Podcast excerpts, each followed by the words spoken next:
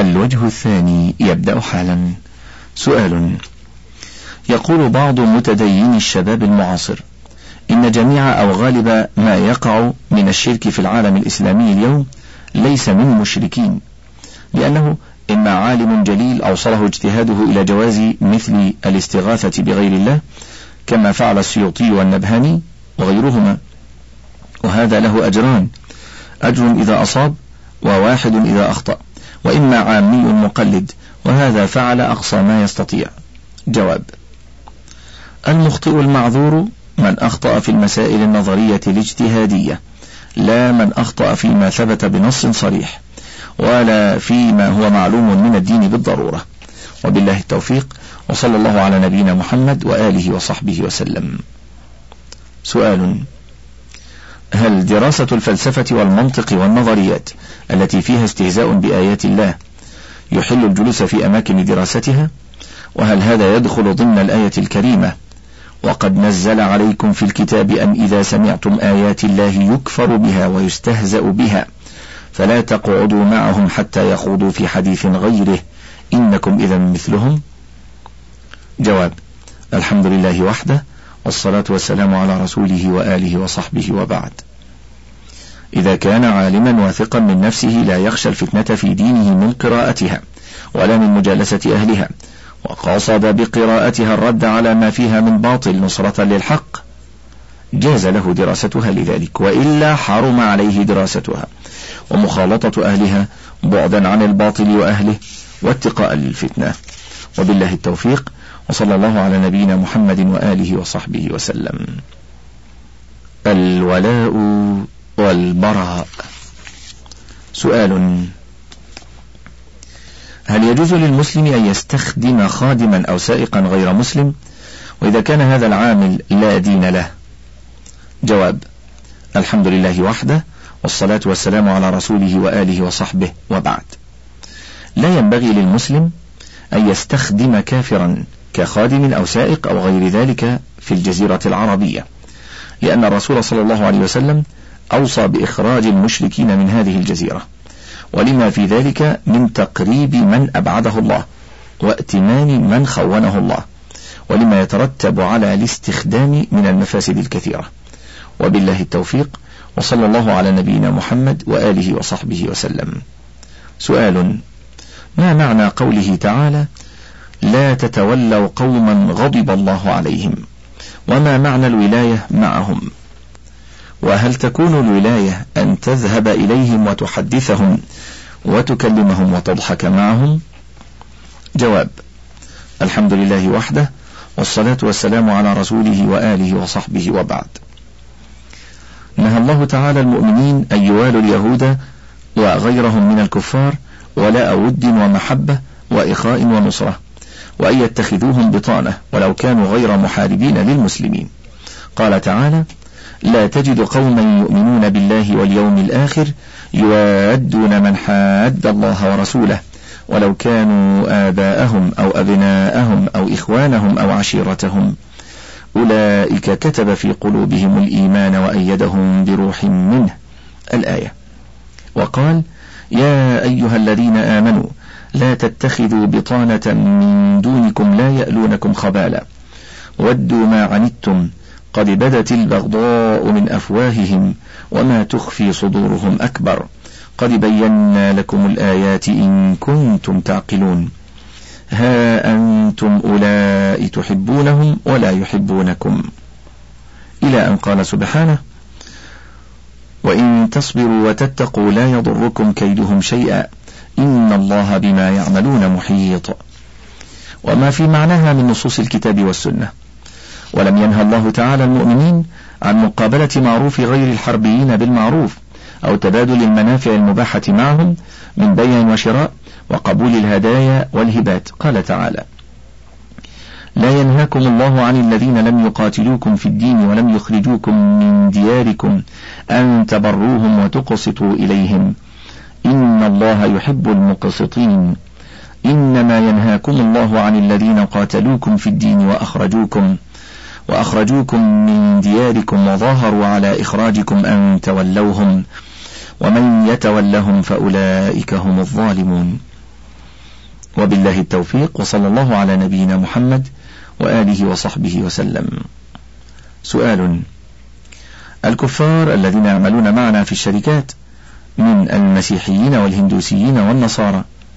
ماذا لهم وماذا علينا نحوهم وكيف يمكننا معاملتهم دون الوقوع في الموالاة جواب الحمد لله وحده والصلاة والسلام على رسوله وآله وصحبه وبعد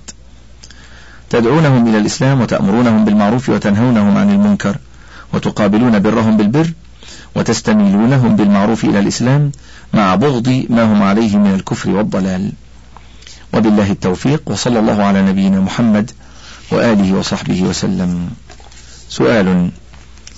حيث إن طبيعة العمل تستدعي الاحتكاك بالعمالة من مسلمين وغير مسلمين ونجد أحيانا في الغرفة الواحدة الكفار مع المسلمين وهذا يتطلب المؤاكلة والمشاربة والاختلاط فنحس من بعضهم أن هذا شيء عادي ولا يهتم به ونلمس من آخرين أن قصدهم بالعشرة الطيبة وإظهار الأخلاق الحسنة جذب غير المسلمين إلى الإسلام فأرجو رفع هذا إلى سماحة الشيخ عبد العزيز بن عبد الله بن باز لنعرف الحكم في ذلك وفق الله الجميع لخدمة الإسلام والمسلمين جواب الحمد لله وحده والصلاة والسلام على رسوله وآله وصحبه وبعد لا تجوز الموادة الكفار ولا مخالطتهم مخالطة تنشأ عنها فتنة أما مؤاكلتهم ومخالطتهم والإحسان إليهم بما يرغبهم في الإسلام فلا بأس به مع الأمن من الفتنة وعدم المودة وبالله التوفيق وصلى الله على نبينا محمد وآله وصحبه وسلم سؤال شخص مؤمن موحد مخلص للعبادة لله وحده لا يشرك معه غيره ومع ذلك يسكن مع جماعات الكفار ولا يستطيع أن يجهر بدينه أو يوضح هدفه ولا يستطيع الهجرة منها تكلم عن حالة هذا الرجل جواب الحمد لله وحده والصلاة والسلام على رسوله وآله وصحبه وبعد إذا كان حال هذا المؤمن كما ذكرت من عجزه عن الجهر بالتوحيد ونشر الإسلام وبيان أهدافه وأنه يعيش بين أظهر الكفار ولا يستطيع الهجرة إلى بلد يعلن فيه, فيه دينه ويدعو إليه فهو معذور وعسى الله أن يعفو عنه وعليه أن يتحين الفرصة للدعوة إلى الدين سرا فعسى الله أن يهيئ له من يستجيب له ويسانده وعليه أيضا أن يتحين الفرصة للخلاص والهجرة من بلاد الكفار إلى بلاد المسلمين ويجتهد في ذلك ليكثر سواد المسلمين وليتعاون معهم على إقامة شعائر الإسلام أما من يقوى على الهجرة إلى بلاد الإسلام ولم يهاجر ورضي لنفسه أن يعيش في بلاد الكفار مكبوتا أو مجاملا على حساب دينه فقد أساء إلى نفسه ودينه والمسلمين وهو متوعد بأن مأواه جهنم وبئس المصير قال الله تعالى إن الذين توفاهم الملائكة ظالمي أنفسهم قالوا فيم كنتم قالوا كنا مستضعفين في الأرض قالوا ألم تكن أرض الله واسعة فتهاجروا فيها فأولئك مأواهم جهنم وساءت مصيرا إلا المستضعفين من الرجال والنساء والولدان لا يستطيعون حيلة لا يستطيعون حيلة ولا يهتدون سبيلا فأولئك عسى الله أن يعفو عنهم وكان الله عفوا غفورا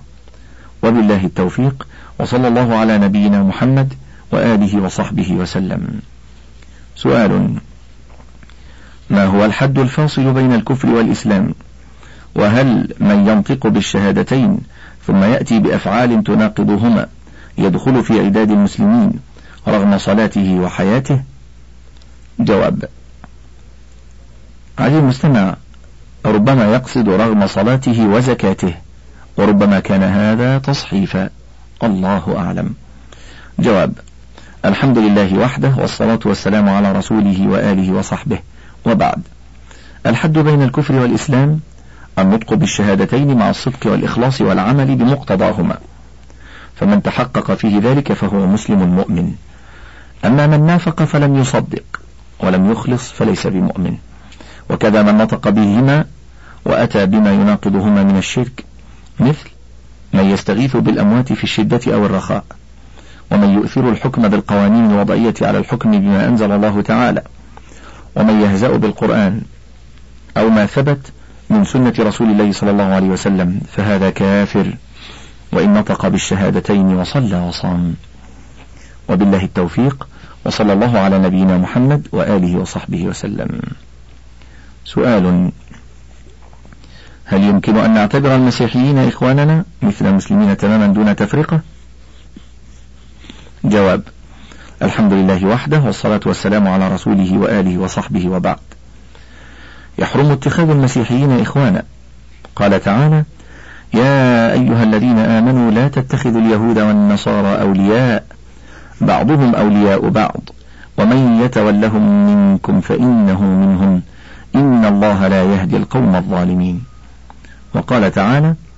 إنما المؤمنون إخوة فحصر سبحانه الأخوة الحقيقية في المؤمنين وثبت عن النبي صلى الله عليه وسلم أنه قال المسلم أخو المسلم لا يظلمه ولا يخذله ولا يكذبه ولا يحقره الحديث وبالله التوفيق وصلى الله على نبينا محمد وآله وصحبه وسلم سؤال ما هي حدود الموالاة التي يكفر صاحبها وتخرجه من المله حيث نسمع أن من أكل مع المشرك أو جلس معه أو استضاء بنوره ولو برى لهم قلمه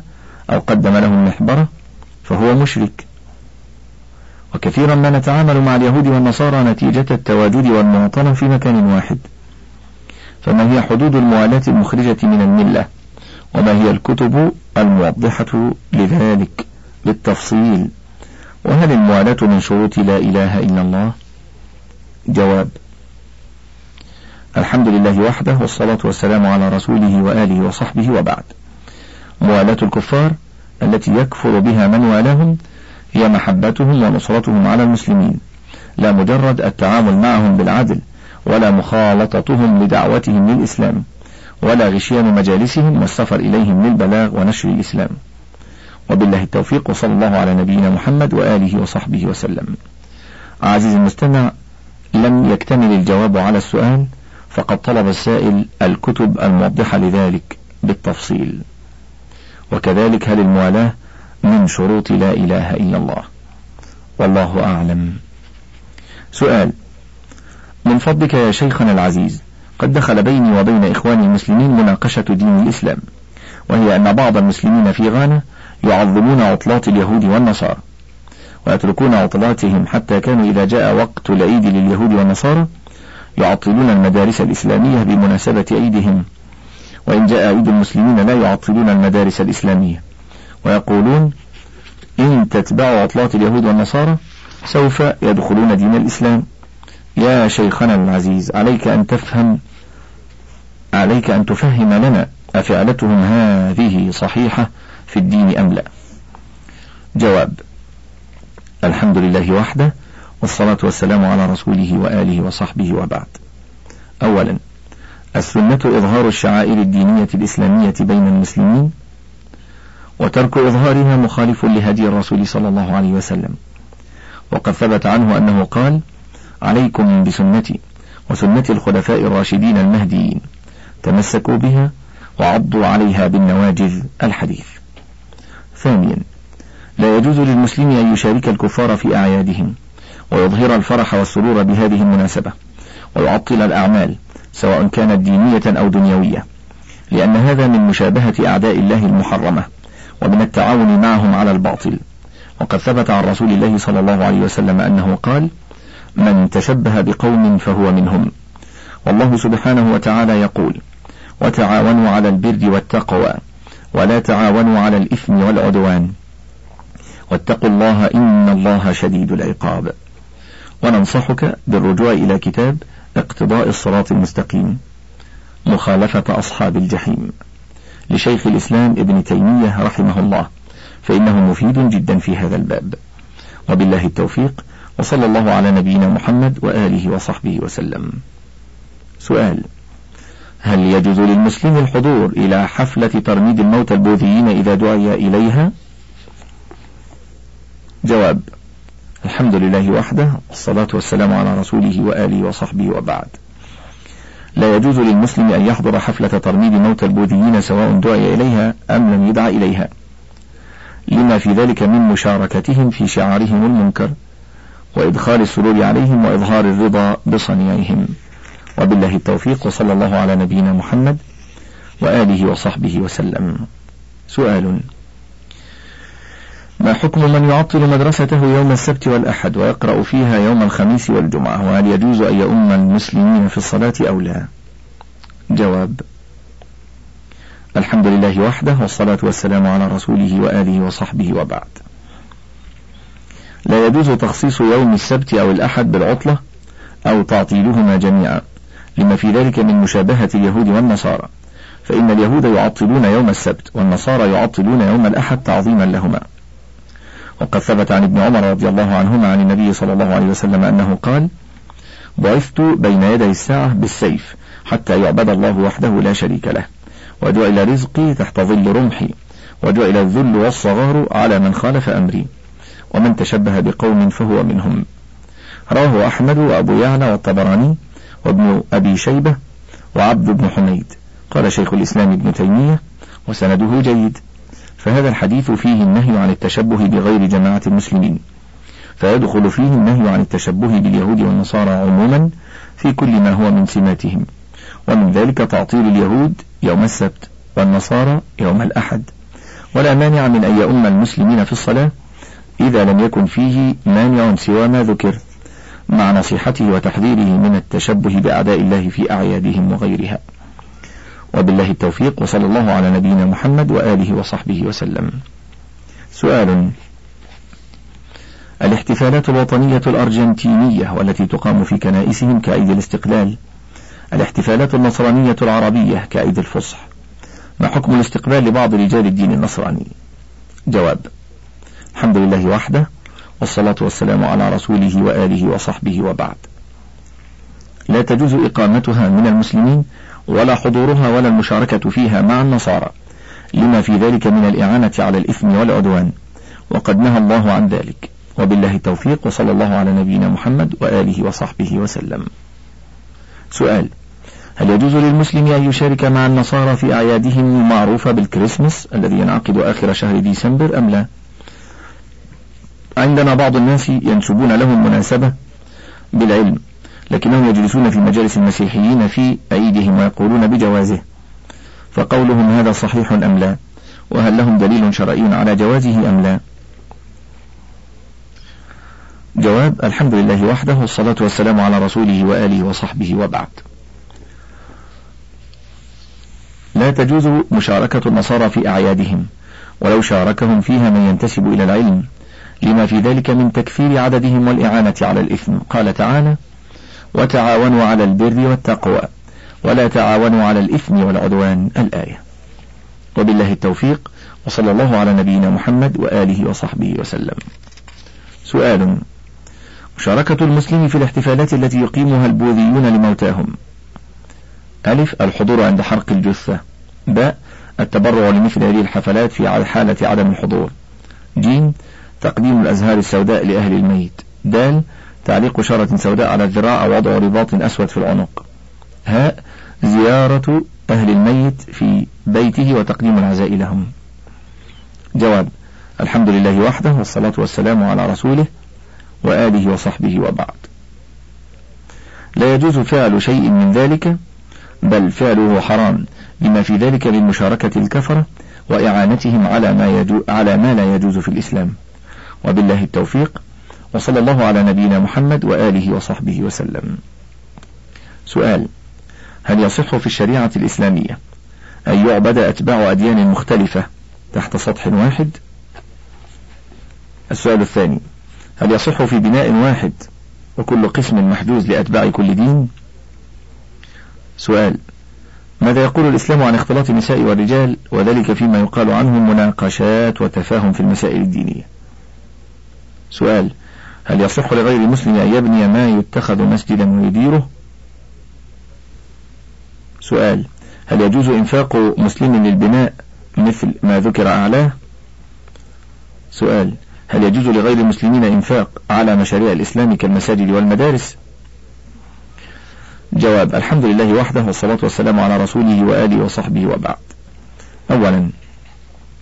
شريعة الإسلام شريعة عامة للإنس والجن وهذا مجمع عليه بحمد الله ومن زعم أن اليهود على حق وأن النصارى على حق سواء كان منهم أو من غيرهم فهو مخالف لكتاب الله وسنة رسوله صلى الله عليه وسلم وإجماع الأمة بل مرتد عن الإسلام إن كان يدعي الإسلام قال تعالى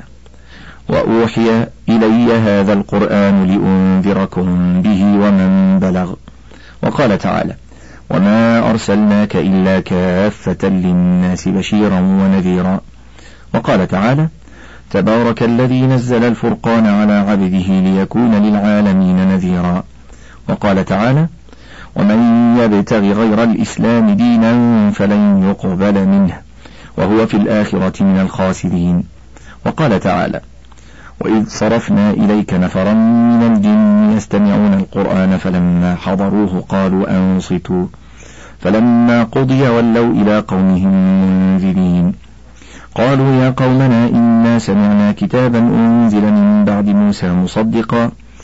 مصدقا لما بين يديه يهدي إلى الحق وإلى طريق مستقيم يا قومنا أجيبوا داعي الله وآمنوا به يغفر لكم من ذنوبكم ويجركم من عذاب أليم ومن لا يجب داعي الله فليس بمعجز في الأرض وليس له من دونه أولياء أولئك في ضلال مبين وقال تعالى قل يا أيها الناس إني رسول الله إليكم جميعا وقال تعالى إن الذين كفروا من أهل الكتاب والمشركين في نار جهنم خالدين فيها أولئك هم شر البرية وثبت في الصحيحين عن النبي صلى الله عليه وسلم أنه قال كان النبي يبعث إلى قومه خاصة وبعثت إلى الناس عامة وفي صحيح مسلم أن النبي صلى الله عليه وسلم قال والذي نفسي بيده لا يسمع بي أحد من هذه الأمة يهودي ولا نصراني ثم يموت ولم يؤمن بالذي أرسلت به إلا كان من أهل النار ثانيا إذا تمكن المسلمون من تخصيص محل لهم يجعلونه مسجدا ولا يكون في بناء مشترك مع أتباع الأديان الأخرى تعين عليهم ذلك وإلا فيعبدون الله في المكان الذي يمكنهم ولو كانوا هم وأتباع الأديان الأخرى تحت سقف واحد سواء كان محجوزا أو غير محجوز لقوله سبحانه فاتقوا الله ما استطعتم ثالثا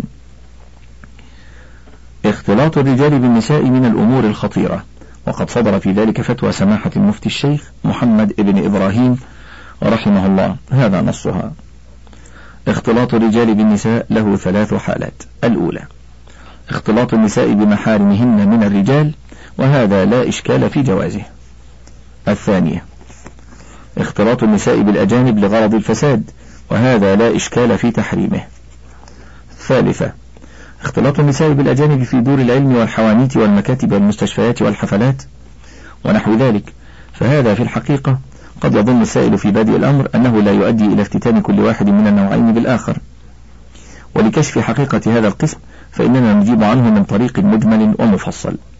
أما المجمل فهو أن الله تعالى جبل الرجال على القوة والميل إلى النساء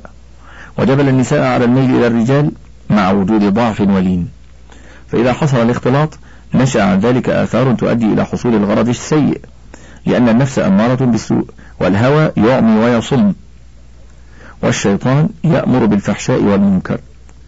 وأما المفصل فالشريعة مبنية على المقاصد ووسائلها ووسائل المقصود الموصل إليها لها حكمه فالنساء مواضع قضاء وطر الرجال وقد سد الشارع الأبواب المفضية إلى تعلق كل فرد من أفراد النوعين بالآخر وينجلي ذلك بما نسوقه لك من الأدلة من الكتاب والسنة أما الأدلة من الكتاب فستة الدليل الأول قال تعالى وراودته التي هو في بيتها عن نفسه وغلقت الأبواب وقالت هيت لك قال معاذ الله إنه ربي أحسن مثواي إنه لا يفلح الظالمون وجه الدلالة أنه لما حصل اختلاط بين امرأة عزيز مصر وبين يوسف عليه السلام ظهر منها ما كان كامنا فطلبت منه أن يواقعها ولكن أدركه الله برحمته فعصمه منها وذلك في قوله تعالى فاستجاب له ربه فصرف عنه كيدهن إنه هو السميع العليم وكذلك إذا حصل اختلاط الرجال بالنساء اختار كل من النوعين من يهواه من النوع الآخر وبذل بعد ذلك الوسائل للحصول عليه الدليل الثاني أمر الله الله الرجال بغض البصر وأمر النساء بذلك فقال تعالى قل للمؤمنين يغضوا من أبصارهم ويحفظوا فروجهم ذلك أزكى لهم إن الله خبير بما يصنعون وقل للمؤمنات يغضضن من أبصارهن الآية وجه الدلالة من الآيتين أنه أمر المؤمنين والمؤمنات بغض البصر وأمره يقتضي الوجوب ثم بين تعالى أن هذا أزكى وأطهر ولم يعف الشارع إلا عن نظر الفجأة فقد روى الحاكم في المستدرك عن علي رضي الله عنه أن النبي صلى الله عليه وسلم قال له يا علي لا تتبع النظرة النظرة فإنما لك الأولى وليست لك الآخرة قال الحاكم بعد إخراجه صحيح على شرط مسلم ولم يخرجاه ووافقه الذهبي في تلخيصه وبمعناه عدة أحاديث وما أمر الله بغض البصر إلا لأن النظر إلى من يحرم النظر إليهن زنا فروى أبو هريرة رضي الله عنه عن النبي صلى الله عليه وسلم أنه قال العينان زناهما النظر والأذنان زناهما الاستماع واللسان زناه الكلام واليد زناها البطش والرجل زناها الخطو متفق عليه واللفظ لمسلم وإنما كان زنا لأنه تمتع بالنظر إلى محاسن المرأة ومؤد إلى دخولها في قلب ناظرها تعلق في قلبه فيسعى إلى إيقاع الفاحشة بها فإذا نهى الشارع عن النظر إليها لما يؤدي إليه من المفسدة وهو حاصل في الاختلاط فكذلك الاختلاط ينهى عنه لأنه وسيلة إلى ما لا تحمد عقباه من التمتع بالنظر والسعي إلى ما هو أسوأ منه الدليل الثالث الأدلة التي سبقت في أن المرأة عورة ويجب عليها التستر في جميع بدنها لأن كشف ذلك أو شيء منه يؤدي إلى النظر إليها والنظر إليها يؤدي إلى تعلق القلب بها ثم تبذل الأسباب للحصول عليها وكذلك الاختلاط الدليل الرابع قال تعالى ولا يضربن بأرجلهن ليعلم ما يخفين من زينتهن وجه الدلالة أنه تعالى منع النساء من الضرب بالأرجل وإن كان جائزا في نفسه لئلا يكون سببا إلى سمع رجال صوت الخلخال فيثير ذلك دواء الشهوة منهم إليهم وكذلك الاختلاط يمنع ذلك لما يؤدي إليه من الفساد الدليل الخامس قوله تعالى يعلم خائنة الأعين وما تخفي الصدور فسرها ابن عباس وغيره هو الرجل يدخل على أهل البيت بيتهم ومنهم المرأة الحسناء وتمر به فإذا غفلوا لحياها فإذا فطنوا غض بصره عنها فإذا غفل لحظ فإذا فطنوا غض وقد علم الله من قلبه أنه ود لو اطلع على فرجها وأنه لو قادر عليها لزنى بها وجه الدلالة أن الله تعالى وصف العين التي تسارق النظر إلى ما لا يحل النظر إليه من النساء بأنها خائنة فكيف بالاختلاط إذا انتهى الشريط الثامن عشر من فتاوى اللجنة الدائمة وله بقية على الشريط التاسع عشر